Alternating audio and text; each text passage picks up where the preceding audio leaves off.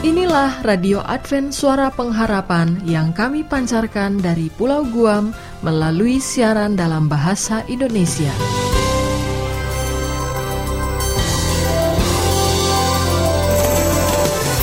Salam sejahtera kepada saudara pendengar di mana pun Anda berada. Selamat berjumpa kembali dengan kami Radio Advent Suara Pengharapan. Dengan senang hati kami akan menemani Anda dan keluarga dengan rangkaian acara yang telah kami persiapkan bagi Anda sekeluarga dan harapan kami kiranya siaran ini dapat bermanfaat dan menjadi berkat bagi kita semua. Selamat mengikuti dan selamat mendengarkan. Tuhan memberkati.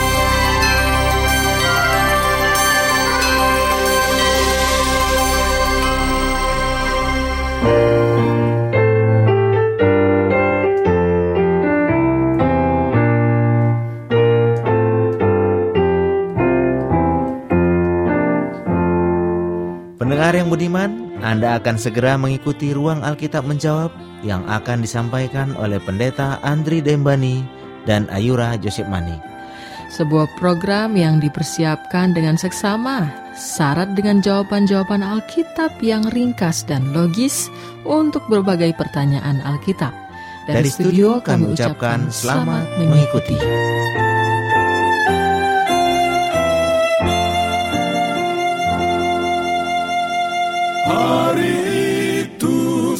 semakin dekat saat Yesus kan datang. Ku bertanya dalam hati dan pada kita semua.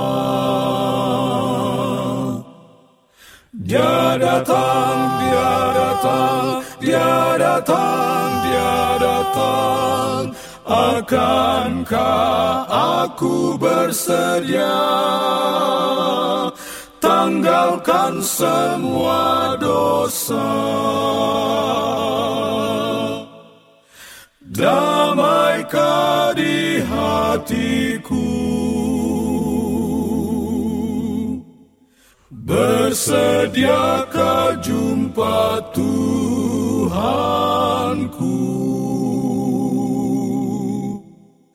Tanda zaman semakin nyata Bila Yesus kan datang.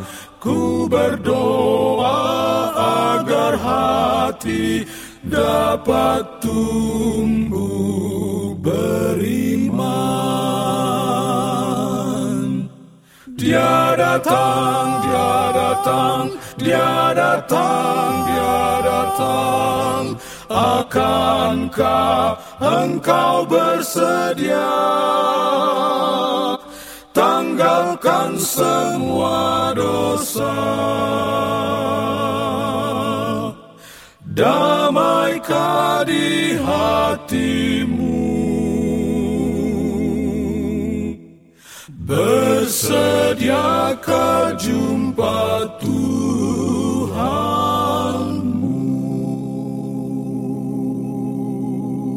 Salam kasih, salam sejahtera kami sampaikan untuk semua pendengar kami yang budiman di mana pun Anda berada. Terpujilah Tuhan karena kita masih kembali memiliki waktu ini untuk melanjutkan ruang Alkitab menjawab. Dan para pendengar yang budiman, kita syukuri berkat Tuhan karena beliau memampukan hambanya ya, pendeta Bani untuk selalu melayani kita dengan uh, kerelaan hati. Dan saat ini beliau sudah bersama dengan kita. Mari bersama dengan saya menyapa lebih dahulu. Pendeta, terima kasih untuk pelayanannya. Selamat datang. Apa kabar? Baik-baik Ayura. Bagaimana dengan Ayura sendiri? Baik, puji Tuhan. Ya, kita berharap juga pendengar di rumah atau di mana saja juga dalam keadaan baik-baik dan sehat-sehat selalu. sekali pendeta. Itu harapan dan doa kita Amen. selalu dari studio ya. Betul. Nah, kali ini para pendengar yang budiman, kita akan gunakan segera waktu kita karena memang tidak cukup banyak. Ini topik yang sudah disiapkan oleh pendeta tidak kalah menarik dari topik-topik yang sebelumnya. Karena ini uh, judulnya saja adalah kebenaran sesungguhnya di balik kematian. Betul. Wah. Ini kita mau bicarakan sesuatu yang ini dunia lain loh, para pendengar ya. Nah, memang ini ini hal yang menarik ya pendeta. Ada banyak yeah. dari kita, saya juga termasuk berpikir-pikir seperti ini. Apa sih yang terjadi lima menit lah katakan setelah seseorang itu mati. Betul. Apakah dia ke surga, ke neraka, atau sebenarnya memang nggak terjadi apa-apa gitu kan ya? Topik mengenai kematian ini kan, waduh, udah bukan cuma ratusan, mungkin e, ribuan tahun kali ya pendeta ya, Betul. menggelitik di rasa ingin tahunya kita sebagai manusia. Saya pernah e, membaca sebuah artikel, ini Hmm. juga katanya ada bukunya, an- namanya adalah Near Death Experiences. Itu Ya. adalah pengalaman-pengalaman yang seperti orang tuh hampir mati. Betul. Dan ini bukunya laris banget loh, ternyata jadi Oh, ya? best seller ya. Iya, iya. Dari situlah kemudian eh, disampaikan juga bahwa minat untuk pengen tahu tentang kematian itu makin tinggi, bertambah-tambah sampai sekarang ini dan eh, itu adalah minat untuk spiritualisme, apakah bisa bicara dengan orang mati, banyak Betul. cenayang-cenayang begitu kan? Iya. Sebetulnya pendeta bisa nggak sih orang mati itu berkomunikasi dengan Nah, orang yang masih hidup? Nah, Ini gitu. pertanyaan-pertanyaan yang akan menuntun kita dalam pembahasan kita kali ini ya. misteri Ada juga kan? betul. Terus apakah kalau seseorang itu mati apakah jiwanya tetap kekal dan bisa menghidupkan tubuh yang lain lagi? Nah, itu. Bisa menjelma masuk ke tubuh yang lain apa Ah, begitu? Betul, kesurupan ya seperti itu. Betul. Apakah jiwa seseorang yang sudah mati bisa pindah kepada tubuh yang lain Nah. seperti begitu? Nah, baik. Ini kita akan belajar bagaimana misteri kematian ini bisa dipecahkan dan sebenarnya apakah ada jawaban dari Alkitab tentang apa yang terjadi saat kematian atau apa yang terjadi bila kita mati? Pembahasan kita kali ini akan menyediakan satu jawaban yang masuk akal, satu jawaban-jawaban yang bijaksana yang akan uh, kita pelajari dan yang nanti kita akan lihat apa yang terjadi di balik kematian dan apa yang terjadi dengan orang mati, apa yang hal-hal yang sehubungan dengan itu. Bahkan cara untuk menghadapinya dengan pengharapan dan keyakinan yang baru. Itu yang kita akan bahas. Baik, ya. baik. Jadi eh, kalau mau menjawab pertanyaan apa yang terjadi dengan orang mati, ada nggak eh, hal lain yang harus kita ketahui lebih dahulu? Nah, kita harus lebih dahulu mengetahui apa yang terjadi saat kita diciptakan. Nah, oh untuk- begitu ya, ya. ternyata ya. Jadi Kita tahu dulu istilahnya kalau eh, datangnya kita dari mana itu supaya kita tahu perginya ke mana. Ah, gitu. Jadi kalau mau tahu perginya ke mana harus tahu Tahu datangnya datang dulu. Jadi bagaimana kita diciptakan Betul. ya? Ini Oke. pertanyaan pertama akan membuka pembahasan kita. Baik. Saya ingin mengajak pendengar dan juga Ayura membuka dari lembaran awal dari Alkitab kita. Ya. Ya, dalam kitab Kejadian dalam Perjanjian Lama, Kejadian pasal 2 ayat yang ke-7.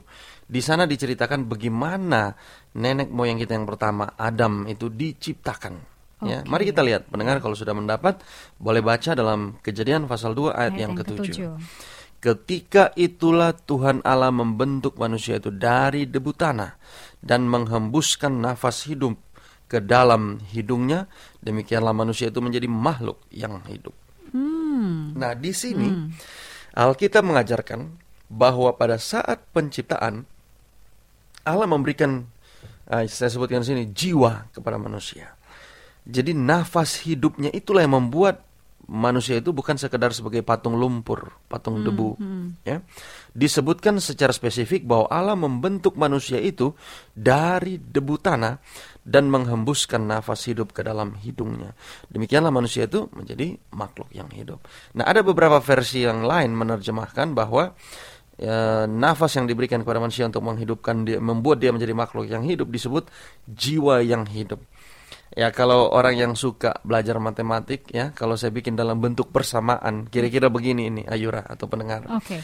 Tubuh ditambah nafas Iya. menjadi jiwa yang hidup. Kira-kira begitulah. Oh begitu ya. Dan itu Itulah jelas yang menjadi ya. makhluk yang hidup. Sehingga kebalikannya juga, kalau orang mati, tubuh dikurangi nafas. Nafas. Jadi Mati. Oke, Nah, baik ini menarik. kan.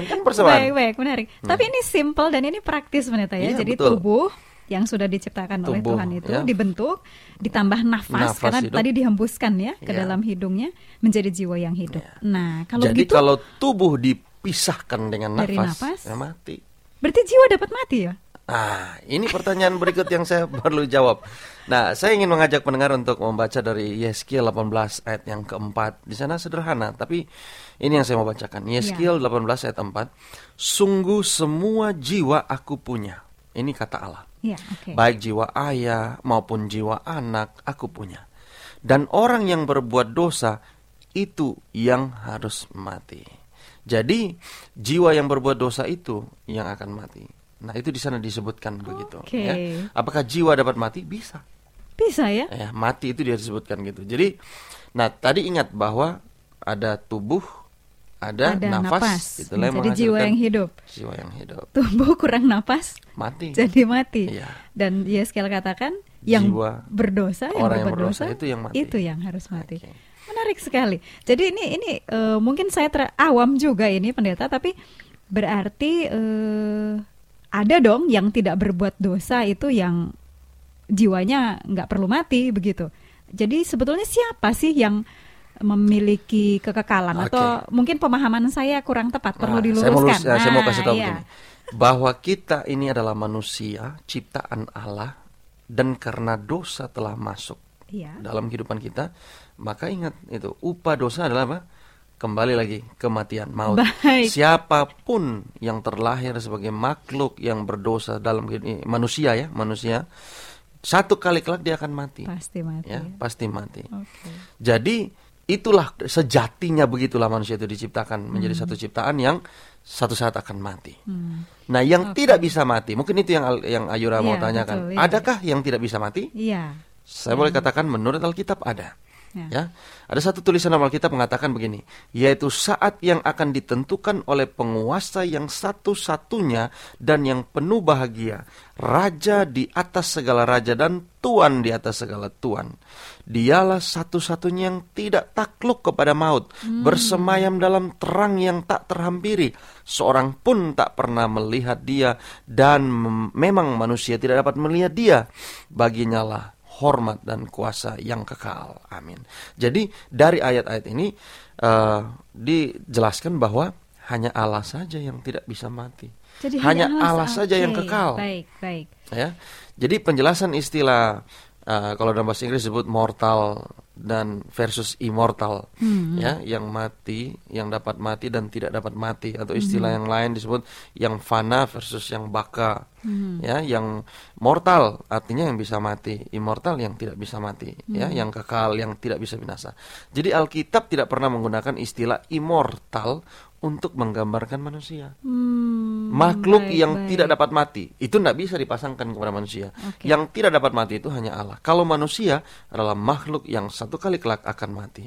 Jadi istilah ini hanya digunakan untuk menggambarkan Allah. Dia maha kuasa. Jadi kekekalan adalah pemberian Allah yang akan diberikan kepada manusia kepada kita nanti Nanti. Nah, itu baik. yang saya mau katakan. Oke, saya Nanti. sekarang jadi punya gambaran. Jadi sebetulnya karena tadi pendeta katakan dosa, yang berbuat dosa itu kan mati. Betul. Jadi kita ini sebetulnya adalah jiwa-jiwa yang eh, mortal ya pendeta Kita ya, adalah mortal. yang akan mati nantinya. Nah, eh, ini ini sekarang kesinambungannya apa nih pendeta? Sebetulnya ada nggak sih petunjuk di Alkitab bahwa kita itu memang harus eh, terhubung kepada immortality atau ketidakbinasaan atau kekekalan. Memang adakah yang seperti itu?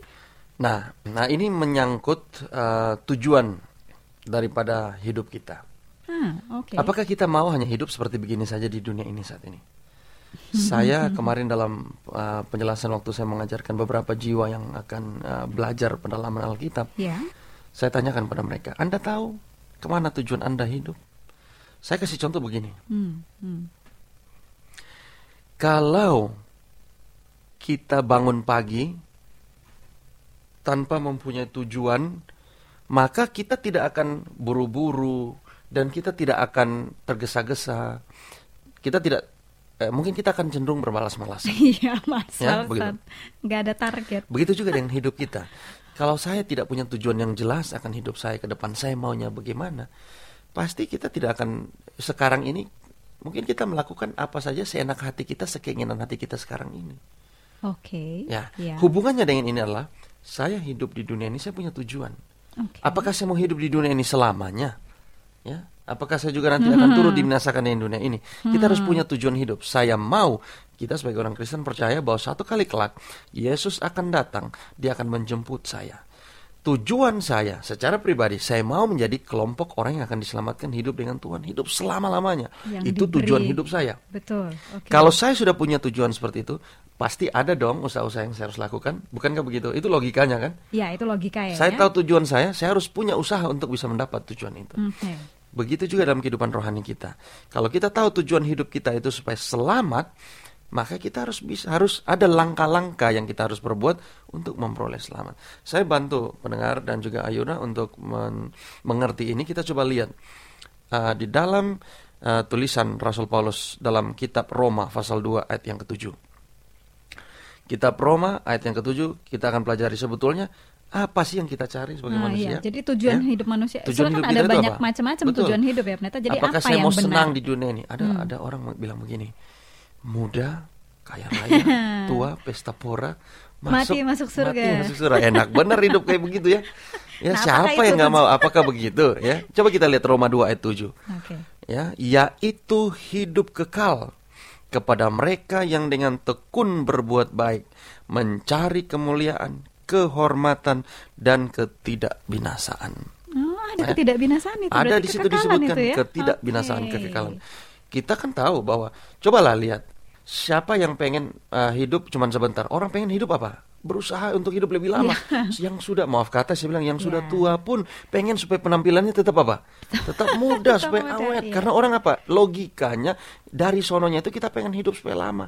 Nah kalau hidup lama tapi siksa susah bongkok-bongkok tidur di tempat tidur senang nggak Ya. kayak gitu? Nggak menyenangkan. Ya, betul. nah kita tentu maunya supaya kita bisa seperti apa yang Rasul Paulus katakan ya berbuat baik mencari kemuliaan kehormatan dan ketidakbinasakan kita mau supaya bisa hidup kekal bagaimana caranya ada petunjuk yang kita harus pelajari dan itu yang kita akan lihat dalam pelajaran-pelajaran kita dalam pelajaran Alkitab. pertemuan berikutnya mungkin pendeta Ya, ya, karena memang kita ini jual waktu juga yang uh, membuat biasa. kita harus undur diri. nah, jadi tetapi kita harus tahu tujuan kita mau ke mana tujuannya yang tadi adalah salah satunya tentang ketidakbinasaan ya, pendeta ya. Oke, jadi eh, para pendengar yang budiman, bila Anda memiliki pertanyaan yang di luar dari diskusi kami atau pertanyaan-pertanyaan yang ada hari ini, mohon disampaikan kepada kami. Alamat lengkapnya Anda akan dapatkan di akhir dari program.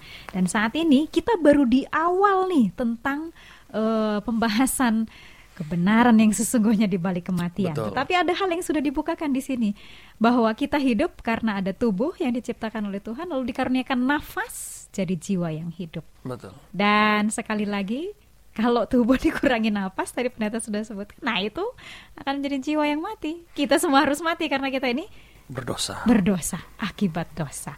Dan oleh sebab itu tujuannya adalah untuk me- mendapatkan karunia Allah yaitu kekekalan. Itu karena tadi pendeta katakan itu pemberian Allah karena memang hanya Allah saja yang kekal. betul Itu bukan milik manusia, nanti akan diberikan kepada manusia. Nah, ikuti lagi pembahasan lanjutan dari kebenaran sungguhnya di balik kematian. Dan oleh sebab itu, terima kasih untuk perhatian Anda. Kami akan mengundang pendeta untuk menyerahkan pelajaran ini supaya boleh menjadi pertolongan bagi kita semua. Baik pendengar dan juga Yura Mari kita tunduk kepala dan berdoa. Bapa kami dalam sorga Allah yang baik Allah yang maha pengasih Kami berterima kasih kepadamu Bapa. Pada saat ini kami boleh kembali bersama-sama dengan pendengar kami Untuk boleh mendiskusikan akan fakta kebenaran dari firman-Mu. Kami berterima kasih kami sudah boleh sedikit belajar pada bagian awal ini Tentang apa sesungguhnya yang berada di balik kematian. Iya. Bapa di sorga kami berdoa biarlah urapan kuasa roh kudusmu boleh menjadi bagian kami semua, para pendengar kami di mana pun mereka berada, agar kami boleh mendapatkan satu pemahaman yang benar bahwa eh, kami eh, hidup di dunia ini oleh karena dosa kami harus mati, tetapi kami bersyukur bahwa kami punya satu tujuan untuk memiliki hidup yang kekal. Iya. Bapak kami masih akan melanjutkan pembahasan-pembahasan kami ini dalam minggu-minggu yang akan datang. Kiranya Tuhan tolong kami, bantu kami para pendengar semua agar kami boleh selalu memiliki waktu untuk senantiasa setia mendengarkan pekabaran firman Tuhan ini melalui siaran radio ini. Kami berdoa bagi semua pendengar kami di mana pun mereka berada, yang berada dalam berbagai pergumulan, dalam berbagai permasalahan hidup, Tuhan tolong tolong bantu sehingga mereka boleh luput dari segala permasalahan mereka hadapi. Berkati dalam kesehatan, berkati juga dalam berbagai rencana-rencana mereka untuk mereka jalankan, laksanakan sehingga sesuai dengan kehendak Tuhan menjadi berkat untuk kemuliaan bagi nama Tuhan. Bapa di sorga, bila mana kami akan berpisah, Tuhan juga akan menuntun kami semua dalam kebutuhan kami. Pertemukan kami dalam pembahasan-pembahasan kami selanjutnya di saat-saat yang akan datang. Inilah doa kami, ampuni dosa kami, di dalam nama Yesus kami berdoa. Amin. Amin.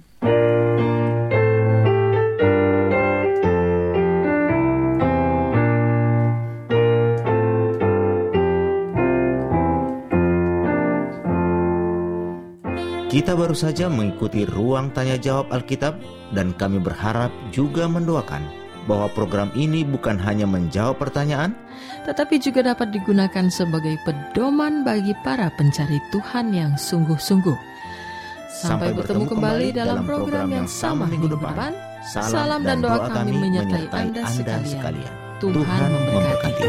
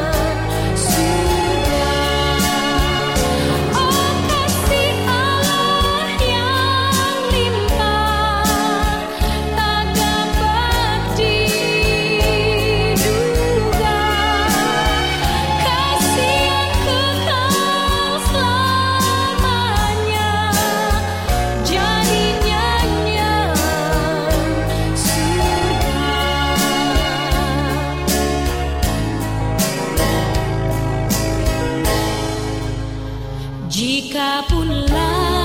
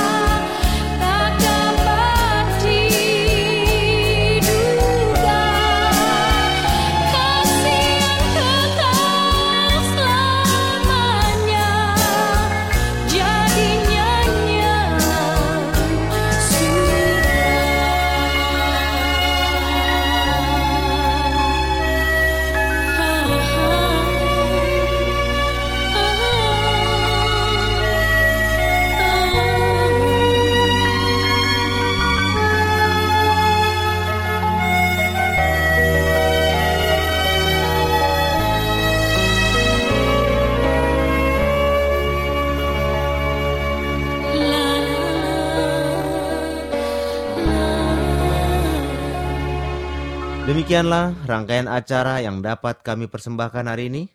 Dan apabila Anda mempunyai pertanyaan atau ingin mendapat pelajaran Alkitab penemuan baru, silakan menghubungi kami. Mengirimkan surat ke alamat Radio Advent Suara Pengharapan. PO Box 8090 Jakarta 12810 Indonesia. Anda juga dapat menghubungi kami melalui telepon atau SMS di nomor 0821 1061 1595 atau Anda dapat menulis di email kami awrindonesia@yahoo.co.id.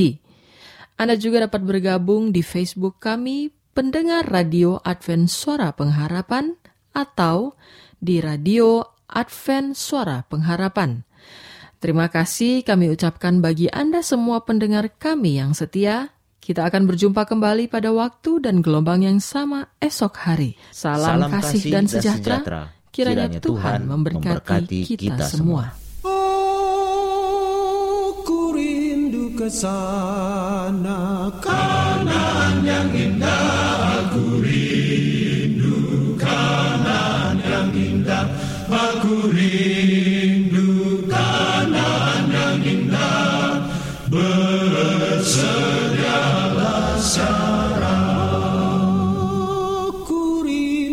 sana kanan yang indah Aku rindu kanan yang indah Aku rindu kanan yang indah Bersedialah sekarang Hai saudara Tuhan segera akan datang. Hai saudara Tuhan segera akan datang saudara Tuhan segera akan datang. Bersedialah sekarang. Ku rindu ke sana. Kanan yang indah Aku rindu kanan yang indah. Aku rindu